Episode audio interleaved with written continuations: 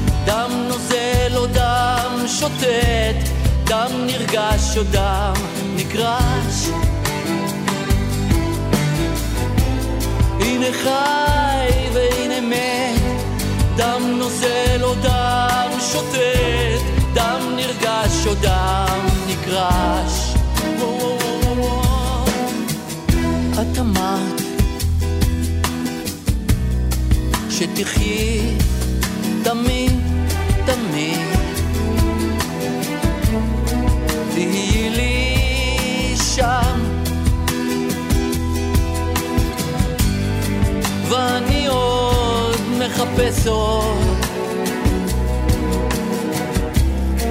אם הנצח הוא את. חוק זה חוק. נו מה יש פה לדבר אם תיסע אם תיסע כל כך מהר להציל להציל חיי חבר תתחפש. תתחפש לאמבולנס. השופט יביא שוטר תשלם את כל הקנס. חוק זה חוק, זה חוק, זה חוק. הנה חי והנה מת. דם נוזל או דם שוטט. דם נרגש או דם נקרש הנה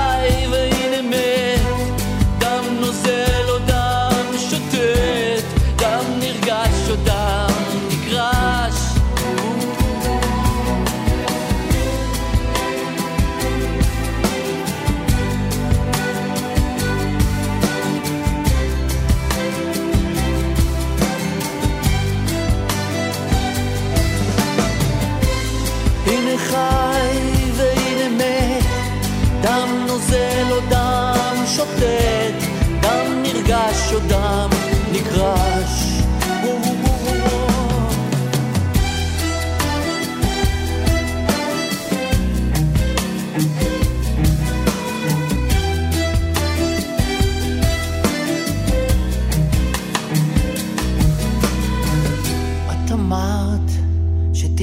תמיד.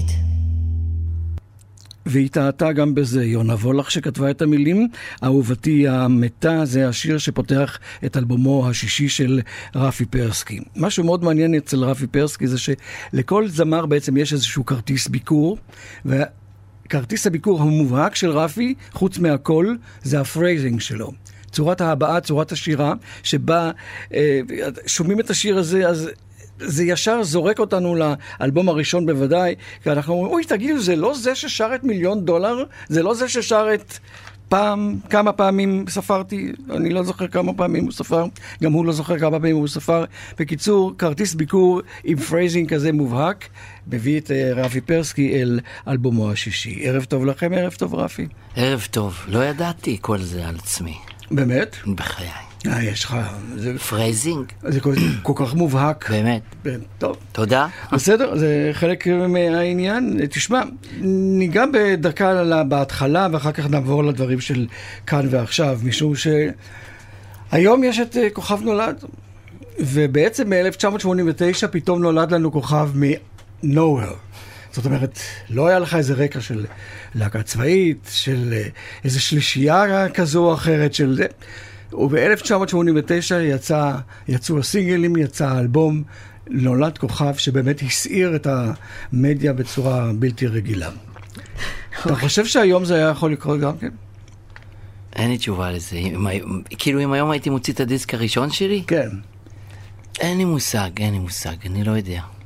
אז בוא נשאל את זה אחרת. אם היום היית צריך להתחיל את הקריירה שלך, היית מנסה להשתלב באחת מתוכניות הריאליטי שיש בהן תחרות כזו או אחרת? או שאתה חושב שהדרך שעשית אז תהיה טובה גם להיום? קודם כל אני חושב שכל הריאליטי הזה זה לא דרך טובה בכלל. כי מוזיקה בשבילי זה לא תחרות, קודם כל.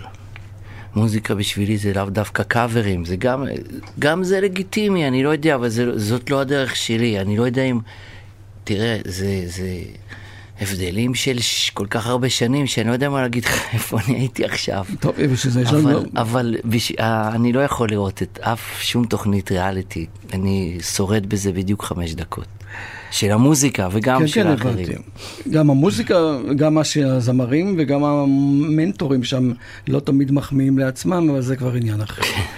אבל אה, בואו נדבר רגע, בכל זאת, אה, כשההצלחה הזו הייתה אז, הבנת שאתה בעצם עלית על איזשהו גל ניסה, או שרק עכשיו, שיש לנו את הפרספקטיבה, אני משתמש במילה הזו פעם שנייה, אתה, אתה יכול לאמוד על את מידת ההצלחה שהייתה. קודם. כל, רק עכשיו אני יכול למדוד את מידת ההצלחה באמת, ואז ידעתי, אבל לא מה שעכשיו.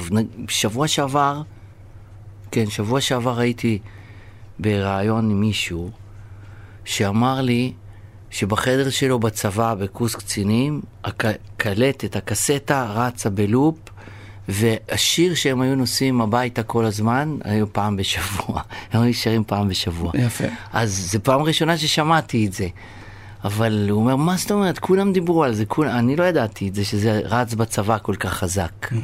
אני ידעתי שזה רץ בתיכונים, שזה רץ אצל אנשים, אבל הסיפור הזה שהוא סיפר לי, שזה לא- כל פעם ביום שישי הם היו שמים פעם בשבוע ורוקדים ומשתגעים בשבוע שהם היו יוצאים הביתה.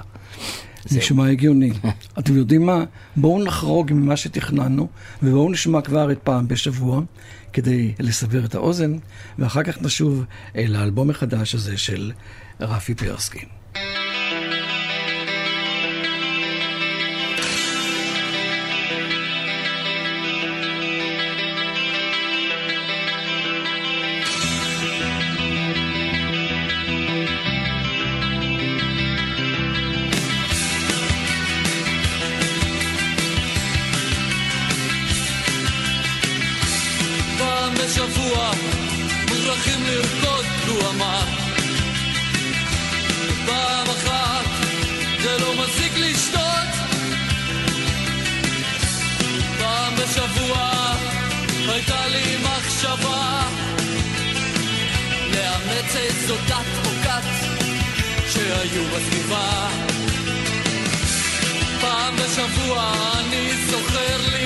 לפני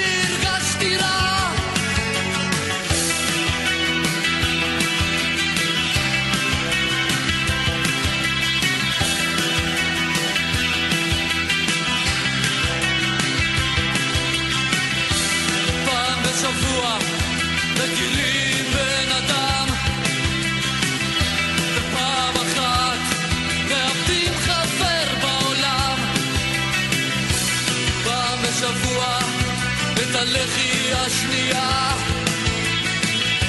ופעם אחת תדליקו נר לרגליכם ותגידו תודה. ואז הוא הוציא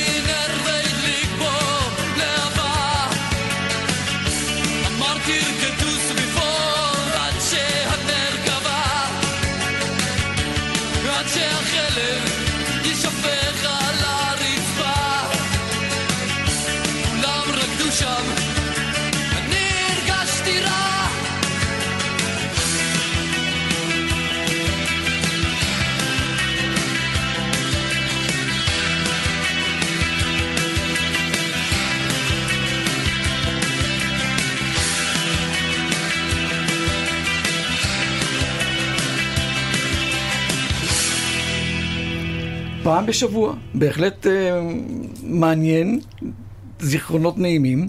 אנחנו כאן עם האלבום השישי של רפי, שיש לו אה, שם מאוד אה, קצר, שירים עצובים שהלחנתי בשמחה. מהיכן המקור? כי פתאום הבנתי שכשאני עושה דיסק, תקליט, whatever, פרויקט, אז אני מחפש את השפה שלו, את ה, מה שהוא יגיד, מה שהוא ידבר, באיזה שפה זה ידבר עכשיו. ותוך כדי שעבדתי על זה הבנתי שמה שאני רוצה לעשות, הבנתי קודם כל שהטקסטים הם עצובים ו- ומלנכוליים וקשים גם. טוב, יש לך עבר בזה. כן. Uh, והחלטתי שאני, כל השירים האלה, ילחין מנגינות שמחות. וזה יצא השם, ככה יצא השם. קונספט, ככה נולד השם. ממש קונספט. זה לא שם של שום שיר. זה לא שורה, גם לא שורה משום שיר. לא, כי, כי, כי זאת השורה היחידה שאני כתבתי בטקסט בכל הדיסק הזה. שירים עצובים.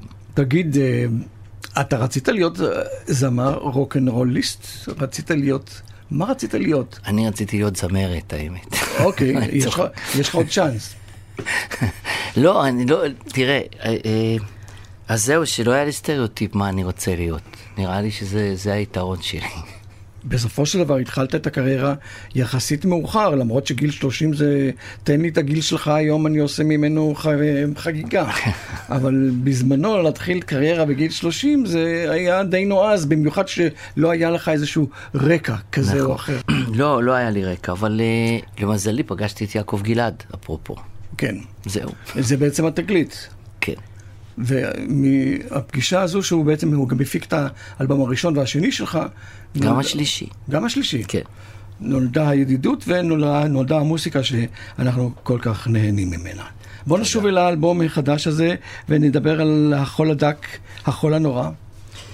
החול הדק, החול הנורא, זה שיר של זלדה, שכתבה אותו אה, בעצם אחרי שבעלה נפטר. היא אישה, זלדה היא חרדית ממאה שערים, והיא נשארה מאוד, אה, הם היו, הבנתי אחרי שחקרתי קצת, הם היו זוג מאושר, ערירי, שזה בחברה החרדית, לא מי יודע מה.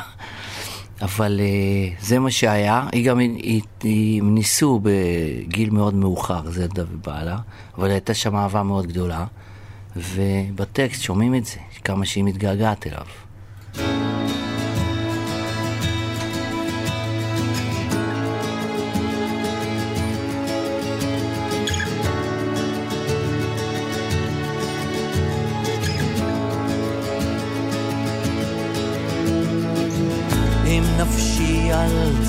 תשכב, חפורה בתוך צער, נרתעת מאלימות שבה אנשים במכונות ובנחשים, ולא תשוב סתר הלילה. ולא תעוף עם רוח דרך עלים תקועה מטקסי חי, שביל אל כל חי. אם נפשי על צידה תשכב, ולא תשמע קול חם את שמה לוחש, היא תשכח רחמי שמש בחומות יערים. באותו מעיין חפוי ששמו דוסיה. מעיין האיר בחושך. אם נפשי על צידה תשכח אם נפשי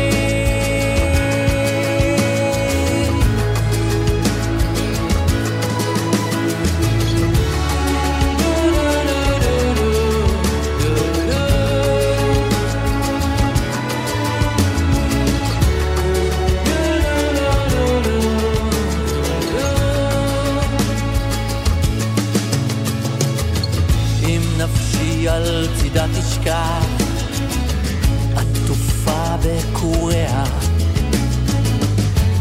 מגורשת ממעשים, מסולקת מן היומיום, יבוא משפת הים, חולדה, ויכסה את שבתותיה, ויסתום הגיגים עד השורש. אל מסתורין בחייאת, לפני ההוא תמיר ונעלם, יחדור החול הדק הנורא.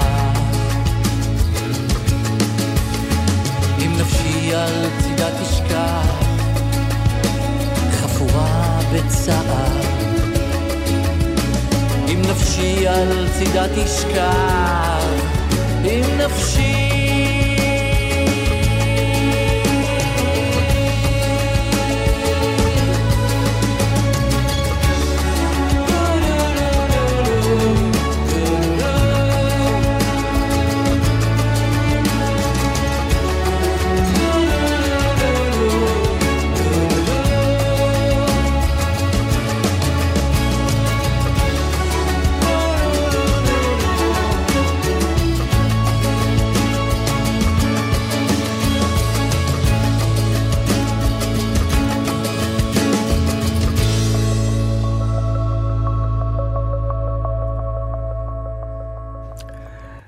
איזה עיבוד יפהפה, מי אחראי לו?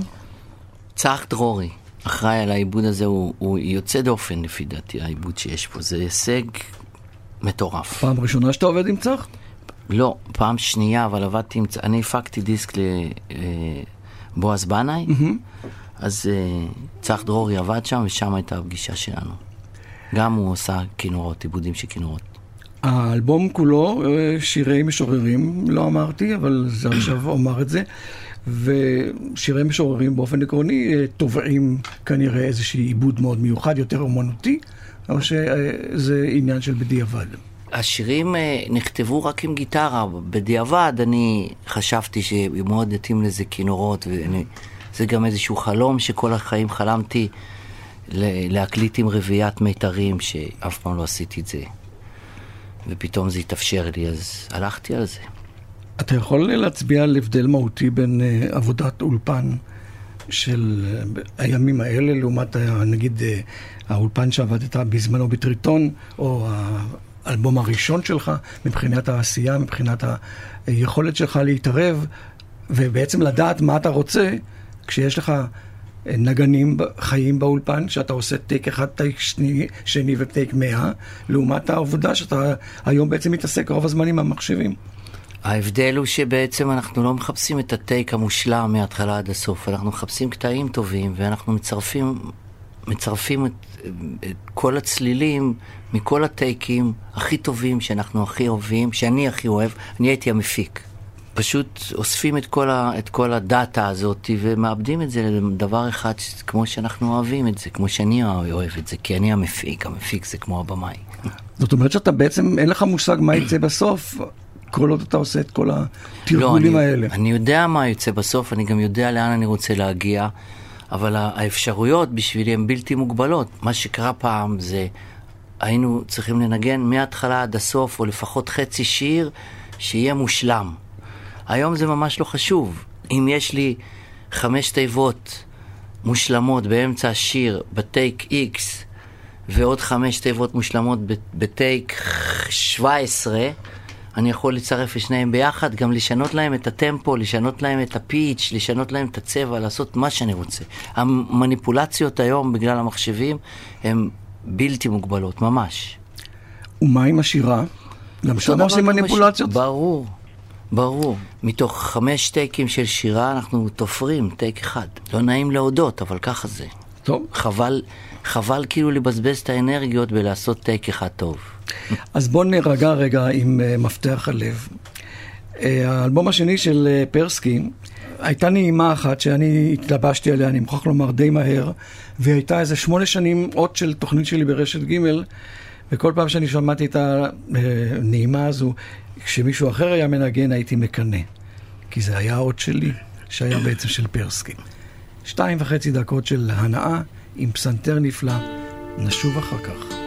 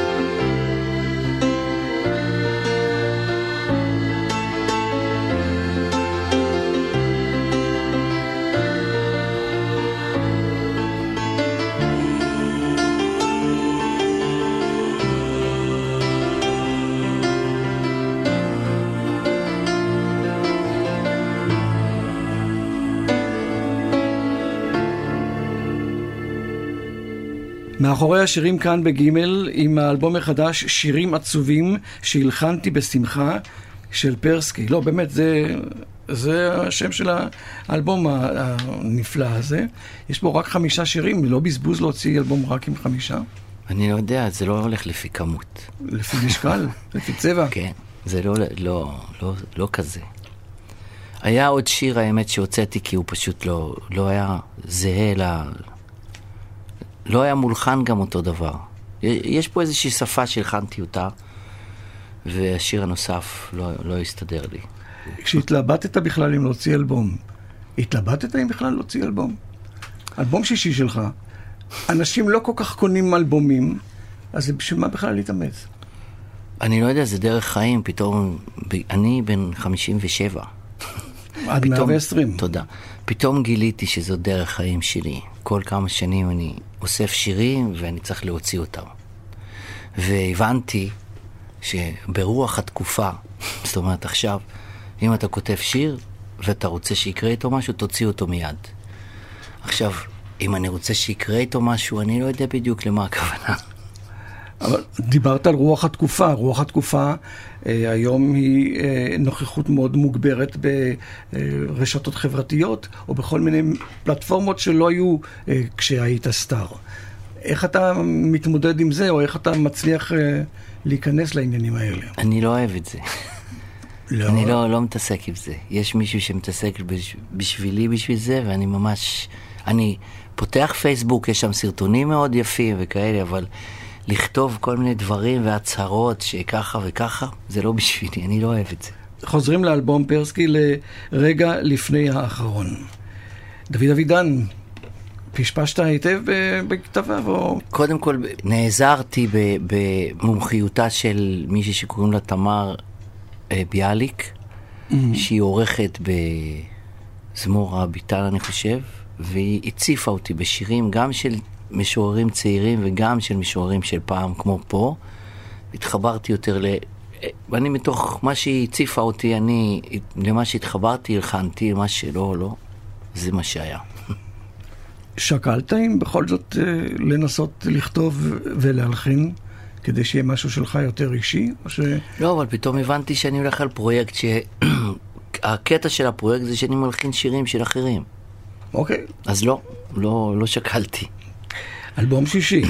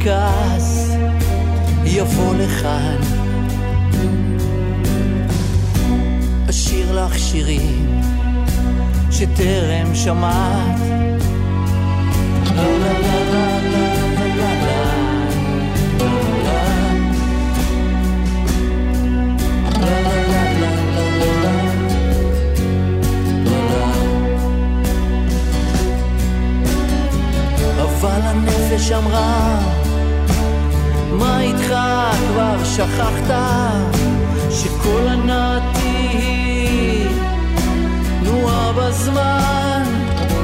עכשיו אני זזה מכאן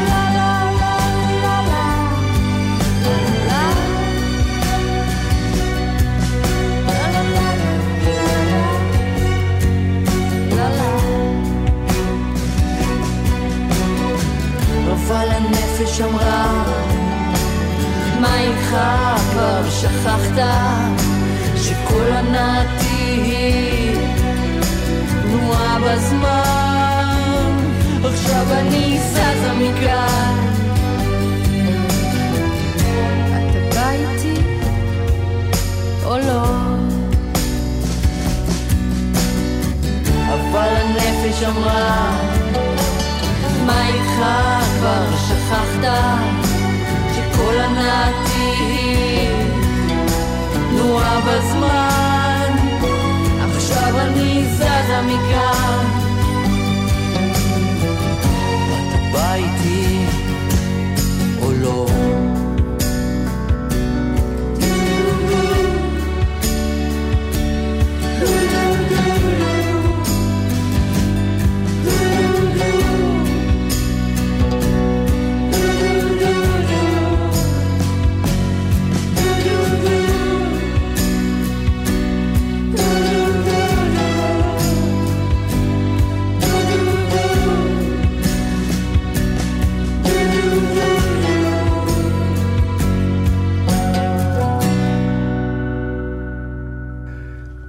רפי פרסקי באולפן, מי שרה איתך כאן? הבת שלי, תמר. או, מה זה אומר? שהגנים עברו הלאה, והיא רוצה להיות מוסיקאית, או שאתה אמרת לה לא כדאי? אני לא, לא, לא יכול להשפיע עליה לא לכאן ולא לכאן. כן. אבל אה, אבל יש אולי- נחת בזה, לא? לא, זה לא פשוט. יש נחת, אבל זה לא פשוט. עובדה שזה קורה. כן. עשינו המון המון חזרות, ורבנו הרבה בבית בעיקר. על מה יש לריב? על הסולמות? גם, וגם, אתה לא מקשיב לי, כל מיני כאלה. היא בטח צודקת. ברור שהיא צודקת. בטח גם אתה צודק. לא. מי הנגנים שליוו אותך כאן? אני רוצה להגיד שיש איזה דור חדש של נגנים מדהים.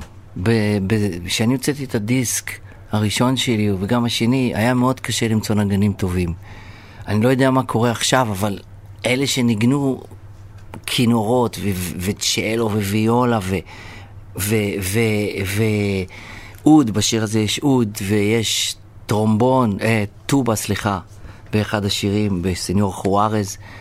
זה פשוט, וגם קונטרבאס יש בשני יסודות. זה פשוט, אני, לא היה לי מה להגיד, רק ישבתי ורציתי לשמוע אותם עוד ועוד מנגנים, ממש. בקיצור, במקום לבוא לעבוד, באת לבלות. לגמרי, בדיסק הזה, אני, זה הדיסק שהכי נהניתי לעשות, אין בכלל מה לדבר. תגיד, ובפנטזיה שלך אה, תוכל, נגיד, הפקה כזו גם לעלות על הבמה, או שזה יותר מדי לדרוש היום? אז אנחנו בודקים את זה. אני כאילו צריך עוד מימון באמת בשביל לעשות את זה, ואני בודק את זה. יש תמיד איזשהו פער, לא בין אה, הפקה האולפנית, או בין הרצון לפחות לעשות את הדברים שיצאו אה, כשירה נפלאה באולפן, לבין מה שבסופו של דבר קורה בהופעה. ברור שיש אה, אה, הבדל, אבל דווקא במקרה הזה, אם נצליח להביא את כל הנגנים האלה להופיע איתי, זה- לא יהיה הרבה הבדל ממה שיש מוקלט לבין מה ש... אם הם יגיעו, זה בוודאי. כן. איך אתה והופעות, אה, בסך הכל אה, אה, בארץ היום להופיע זה לא פשוט. גם לא למצוא את המקום, לא את הקהל ולא את העיתוי. איך נכון. אתה מצליח להתברג לבלגן הזה? אני לא כל כך מנסה להתברג בבלגן הזה. אתה צריך אבל להתפרנס מאיזשהו מקום. זה בסדר, אני מתפרנס. אוקיי, אבל בכל זאת, אני, אני מאוד אמביוולנטי בקשר לזה. זאת אומרת, יש איזשהו מצב, אני לא יודע, בתחושה שלי יש איזשהו מצב אה, אה, לא כל כך הגיוני עם כל הדברים, עם כל מה שקורה עם ההופעות. אני, לדוגמה, מאוד לא אוהב שמתארחים אצלי. לא כיף לי עם זה. מה אתה עם זה אומר? בעיה. אז זה מאוד באופנה עכשיו שמישהו מארח מישהו וזה בונה את ההופעה כאילו, אבל זה לא עובד עליי, אז אני לא הולך לשם. ומה קורה כשמזמינים אותך להתארח? גם אני לא אוהב את זה. אבל אני אני זוכר את הכינור ששרת עם אה, אמיר לב, נכון. זה היה מאסטרפיס. זאת נכון. אומרת שאתה צריך גם להתפשר. עכשיו לא. אני מבין למה אתה רב עם הבת שלך, כי אתה לא רוצה להתפשר. נכון, אני לא, לא רוצה להתפשר, כי זה לא נעים לי להתפשר. אבל לא, לא זה הקטע. הקטע הוא שאני חושב שבוא נגיד, ב-85% מהמקרים שיש אירוחים, מי שמתארח, אחד הורס את השיר של השני. זה מה שאני חושב. הביצועים הם אף פעם, בדרך כלל, לא טובים. נדיר שקורה באמת איזה אירוח שהוא באמת עובד. בדרך כלל זה אירוח בשביל אירוח, עושים שתי זה חזרות. בארטר, אירוח כברטר. כן, משהו אתה תבוא כזה. אליי ואני אבוא אליך. בדיוק. אבל פה ושם באמת יש כן ביצועים אני מסכים מאוד לגמרי. מרתקים, וזה נכון. זאת אומרת שמכאן אתה גם לא משתגע לעשות אה, גרסאות כיסוי של אחרים. לא, זה לא קשור. אה, זה כן, בכל זאת, אה, אני, אין לי בעיה לעשות גרסאות כיסוי של אחרים אם אני מתחבר לזה. כן. ואתה עושה בהופעות שלך? כן, כן. מה אני למשל? עושה אה, שמחות קטנות של מיכה בהופעות. יפה. טוב, מיכה ואתה, יש לכם רומן. איך אתה יודע? אה, תשמע, התפקידים של, התפקיד של עיתונאי זה לדעת על הכל. מיכה שטרית אנחנו מדברים. אנחנו מדברים על מיכה שטרית, בוודאי, כן. בוודאי.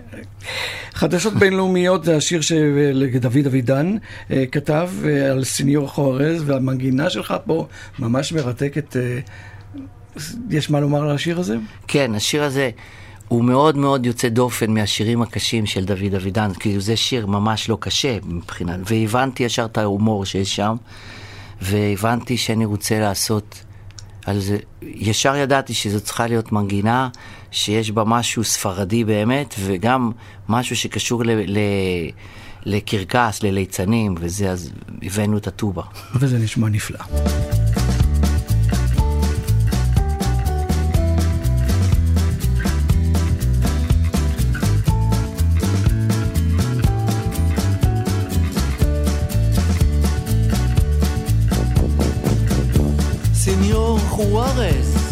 ישב במוצ"ש. ישב בביתו במקסיקו סיטי. אכל לבדו ארוחת ערב. שיחק באקדח שעל השולחן. לפתע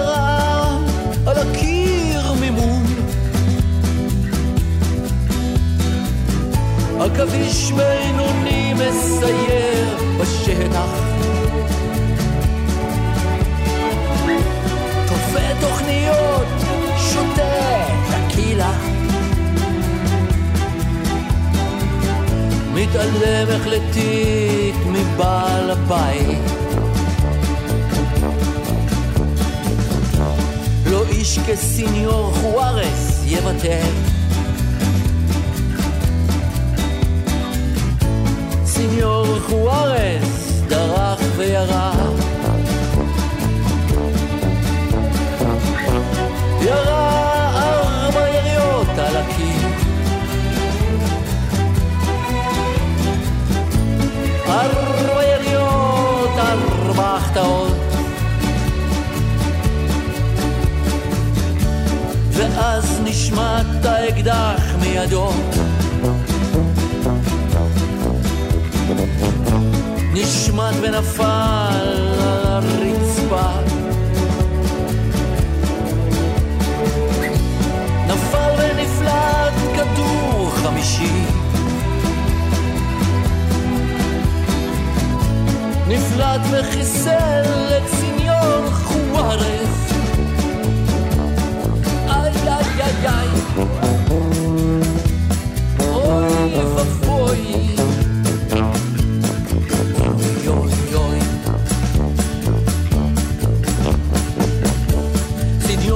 חוארס ישב במוצ"ש. ישב בביתו במקסיקו סיטי. אכל לבדו ארוחת ערב. שיחק באקדח שעל השולחן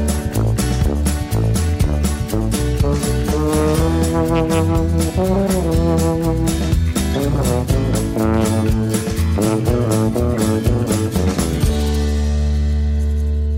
מאחורי השירים כאן ברשת ג' עם האלבום החדש של רפי פרסקי, אלבומו השישי, אם הצטרפתם אלינו רק בדקות האחרונות, ואנחנו עוד מעט אה, כבר מסתכלים על השעון, אז אנחנו רואים שהמצב שלנו לא הכי טוב, אבל אני רוצה בכל זאת לחזור גם אל דברים ותיקים שרפי עשה, ולחזור אל האלבום השני שלו.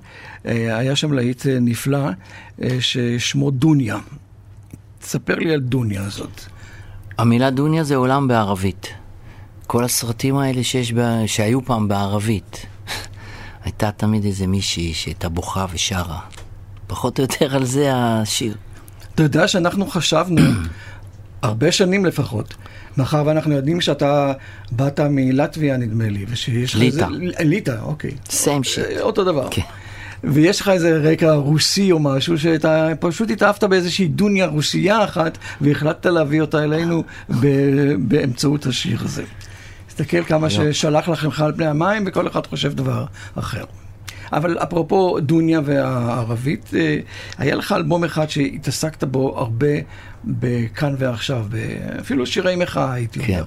האם הדבר הזה אה, הוציא לך את הרוח מהמפרשים, או שחשבת שבעצם במציאות הישראלית לא כדאי להתעסק בדברים שהם יותר מדי פוליטיים או חברתיים? אני לא מחליט מראש מה, מה אני, על מה אני כותב. אני כותב על מה שמציק לי, אז בד- בדיסק הזה שנקרא סקס אוכל כסף, יש שיר על עולה חדש מרוסיה, שאז הייתה העלייה הגדולה של הרוסים, שפתאום היית רואה ברחוב מישהו שהיה שם רופא מטאטא רחובות. זה מה ש... זאת המציאות שהייתה פה. אז זה שיר אחד כזה, ויש שם אה, אה, גם סקס אוכל כסף, זה סוג של מחאה. אבל זה לא הייתה הכוונה לעשות דיסק מחאה, זה אפשר לראות את זה בדבר, ב, באור לא, הזה. לפי מה שאתה אומר, מה שהיה אז, היה אז, היום זה, מצבנו כל כך טוב שלא צריכים את זה אפילו. יש, יש פה לפי דעתי משבר תרבותי שייקח 50 שנה לתקן אותו. אם בכלל המדינה הזאת תשרוד 50 שנה. היא תשרוד אה, הרבה יותר, אל, אל, אל, תהיה כזה פסימיסט. אתה רואה, אמרתי לך, לא רוצה לדבר זה לא עניין של, זה עניין של, אתה עוסק בתרבות, ואנשים שעוסקים בתרבות, אה, חלק מהעניין שלהם זה גם לדבר על דברים של כואבים, שאולי לא בסדר, אבל אפשר אולי לתקן אותם באמצעות התרבות, שירה, מוזיקה. יכול להיות. אתה לא בעניין. לא, אני לא. אז בואו נשמע את דוניה, להיט נפלא, מהאלבום השני, לפני שניפרד מרפי פרסקי, שהוא עורך התוכנית מאחורי השירים.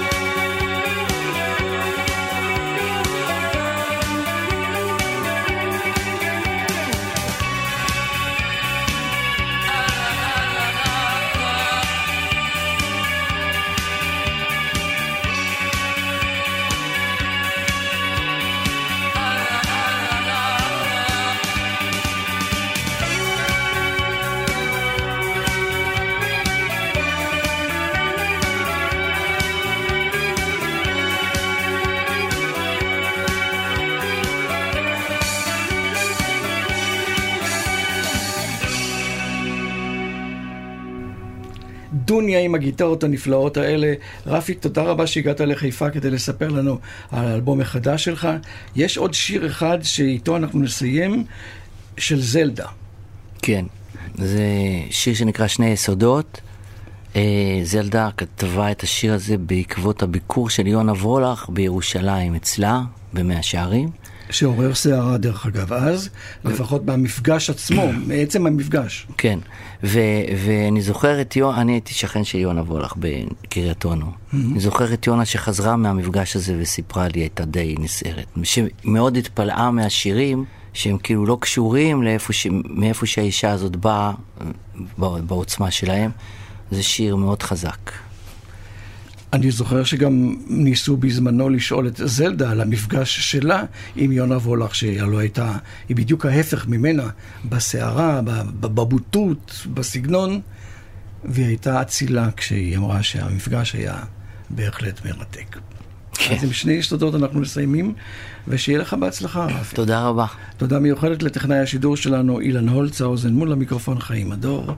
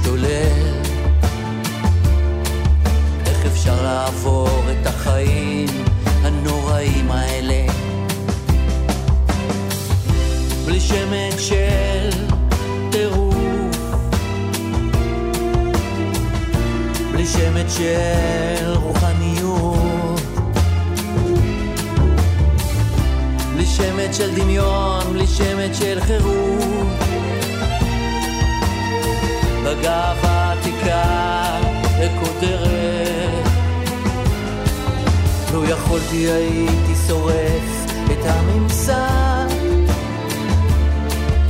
ששמו תקופות השנה. ואת התלות הארורה שלך באדמה. באוויר, בשמש, במטר ובטל. הבראש שותק, הוא יודע שיש בו טירוף שיש בו חירות, שיש בו דמיון. שיש בו רוחניות. אך השלהבת לא תבין זאת. הבראש שותק, הוא יודע שיש בו טירוף. שיש בו חירות, שיש בו דמיון שיש בו רוחניות.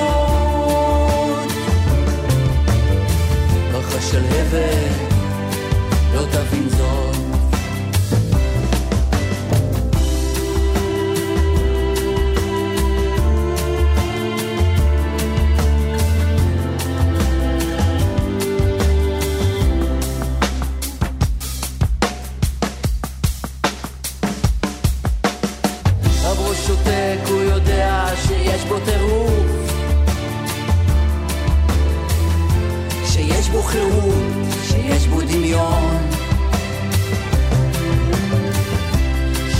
שיש